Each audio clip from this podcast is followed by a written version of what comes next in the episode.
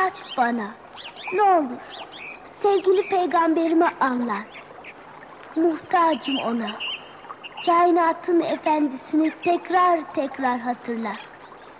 Her şeyimizi ona borçluyuz. En evvel peygamberime anlat. Öğret bana. Anlat bana. Öğret bana. Muhammed Aleyhisselam'ı anlat. Onu anlatarak yolumu aydınlat.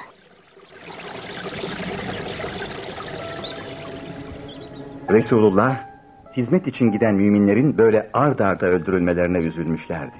Bir ay müddetle beş vakit namazlarında hain kabilelerin isimlerini tek tek sayarak Allahu Teala'ya yalvardılar. Ey Allah'ım! Onların senelerini Yusuf Aleyhisselam'ınki gibi yokluk, kuraklık ve fakirlik seneleri yap. Allah'ım bu kabileleri sana havale ediyorum. Çünkü onlar sana ve Resulüne isyan ettiler. Hakikaten çok geçmeden o bölgede kuraklık ve yokluk başladı ve yeşil namına bir şey kalmadı. Efendimiz huzurlarına gelerek olup bitenleri ve bu arada kendisinin de yolda Amiroğulları kabilesinden iki kişiyi öldürdüğünü haber veren Amr bin Ümeyye'yi dinleyince hata etmişsin ya Amr. Onlara emanımız vardı. Bu sebeple mirasçılarına diyet vermemiz şart oldu buyurdular.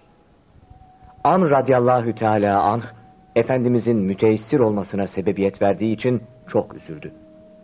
Maktullerin kan bedelleri, diyet parasını temin etmek için sevgili Peygamberimiz sallallahu aleyhi ve sellem yanlarına Ebu Bekr, Ömer, Ali, Zübeyr, Talha, Saad İbni Muaz ve Üseyd bin Huday radıyallahu anhüm ecmain hazretlerini alarak Beni Nadir, Nadiroğulları kabilesine gittiler.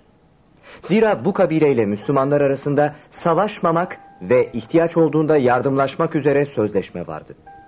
Ayrıca Nadiroğulları Amiroğullarının da müttefikiydi. Efendimizle yol arkadaşları önce Mescid-i Kuba'da namaz kıldılar. Sonra Medine civarında bulunan Nadiroğulları yurduna geldiler. Rebiülevvel ayının cumartesi günlerinden biriydi. Nadiroğulları Yahudilerinin ileri gelenleri misafirleri karşıladılar. Onlar da bir iş için kendi aralarında toplanmışlardı. Peygamberimiz Amiroğulları ile aralarında ceryan eden acı vakayı ve eman verilmiş iki kişinin yanlışlıkla öldürülmesini naklettikten sonra aralarındaki anlaşma gereği maddi desteklerine ihtiyaçları olduğunu ifade buyurdular. Yahudiler dediler ki Ne demek ya Ebel Kasım? Bize şeref bahsettiniz. Lafı mı olur canım? Tabii ki yardımcı oluruz. Ama önce istirahat ediniz. Biz de yemek hazırlayalım. Buraya kadar gelmişken muhakkak yemeğimizi yemelisiniz.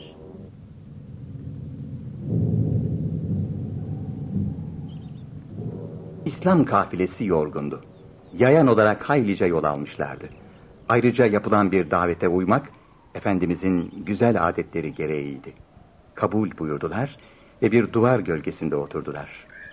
Eshabı da edeple huzurlarına oturdu. Peygamberimizin sağında Hazreti Ebu Bekr, solunda Hazreti Ömer, karşısında Hazreti Ali vardı. Yahudiler güya yemek hazırlığı için dağıldılar. Halbuki oradan ayrılan fitnebazlar diğer tarafta yine bir araya gelerek yeni ihanetler tezgahlamak için kafa kafaya verdiler. Huhey bin Ahtap heyecandan yerinde duramıyor, fısıltıyla ama çabuk çabuk konuşuyordu. İşte fırsat. Fırsat ayağımıza geldi. Bakın duvar dibinde duruyor. Haydi birimiz sessizce dama çıkarak aşağıya onun kafasına bir koca taş savuralım. Muhammed'den kurtulmamız artık an meselesi. O katledilirse yanındakiler de korkup kaçarlar. Aferin Huhey. Doğru dediğin. Ondan kurtulmanın en zahmetsiz yolu eğer Muhammed'i bugün burada öldürürsek Arap yanında şerefimiz daha da yükselecektir. Ne yükselmesi? Kuvvet ve kudret bize geçer. Çünkü artık kimse onu durduramıyor. Bu işi ben yaparım. Hayır ya Amr bin Cehaş. Hata yapıyorsun. Ben sizin onu öldürebileceğiniz kanaatinde değilim. Sebep?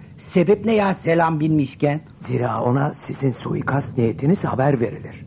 Ah, kim haber verirmiş? Melek haber verir. Siz de bir şey yapamadığınız gibi aradaki dostluk da bozulur. Ve korkarım ki bu işin sonu da başımıza iş açar.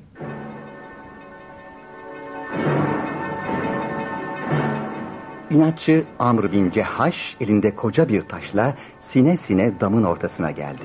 Tam o sırada Efendimiz sallallahu aleyhi ve sellem aniden ayağa kalkarak seri adımlarla orayı terk ettiler. Suikastçı Amr zalimi damın ucuna gelip doğrulduğunda düşmanının orada olmadığını görerek aynı anda hem öfke hem şaşkınlığa düştü.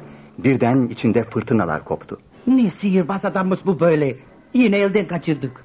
Taşı bir kenara bırakarak arkadaşlarının yanına döndü. Kan basmış yüzünden başarılı olamadığını anladılar. Niye vazgeçtin ya? Vazgeçmedim. Gitmiş. Gitmiş mi? Evet o bir sihirbaz. Sihirbaz mı dedin? Sihirbaz ha?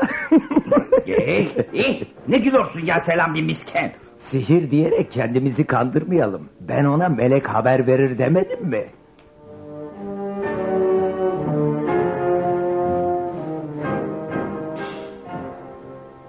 Hakikaten Yahudiler sevgili peygamberimize suikast hazırlığındayken Cebrail aleyhisselam gelerek onların bu faaliyet ve maksatlarını haber verdi. Efendimiz sallallahu teala aleyhi ve sellem de amir oğulları bir şeyden şüphelenmesin diye arkadaşlarına bir şey söylemeden hemen orayı terk etti. Ancak mevcut sahabiler Resulullah'ın bir ihtiyaç için kalktığını zannetmişlerdi. Bu sebeple onlar bulundukları yerde oturuyorlardı.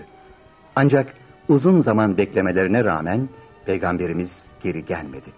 Yahudiler sofra da çıkartmamışlardı. İşin içinde bir gariplik olduğunu anlayan Resulullah'ın dostları dönüş yoluna düştüler. Yolda karşılaştıkları biri peygamberimizin Medine'de olduğu haberini verdi.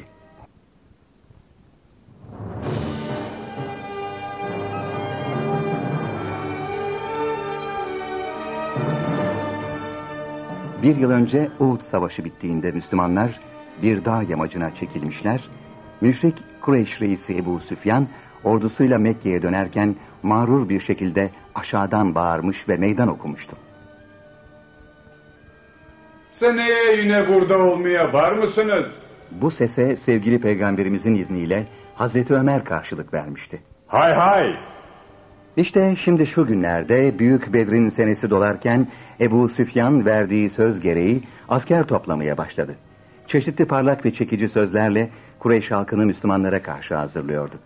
Fakat işin hakikati o ki Ebu Süfyan bin Harp geçen zamanın Müslümanlar lehine işlediğini, her gün biraz daha kuvvetlendiklerini görmüş ve bu sebeple şimdi sırf zevahiri kurtarmak ve Ebu Süfyan Müslümanlardan korktuğu için sözünü unuttu dedirtmemek için bir sahte gayret gösterisindeydi.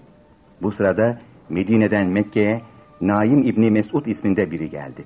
Başta Ebu Süfyan olmak üzere Naim'in etrafını çevirdiler. Kureyş reisi soruyordu. Ya Naim, Müslümanlar kuvvet bakımından nasıllar?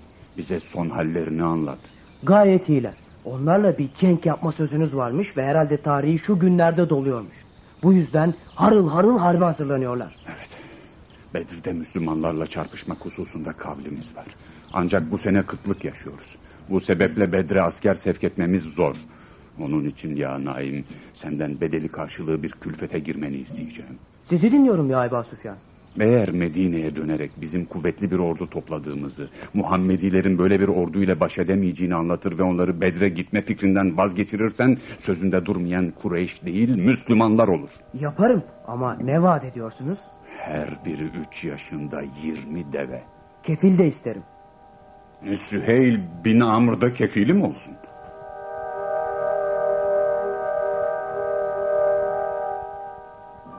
Naim İbni Mesud pazarlığa razı olarak Medine'ye geldi. Ve bir yolunu bularak Müslümanlara mevzuyu açtı. Kureyş Bedrin intikamı için çok hırslı. Hayli asker toplamış.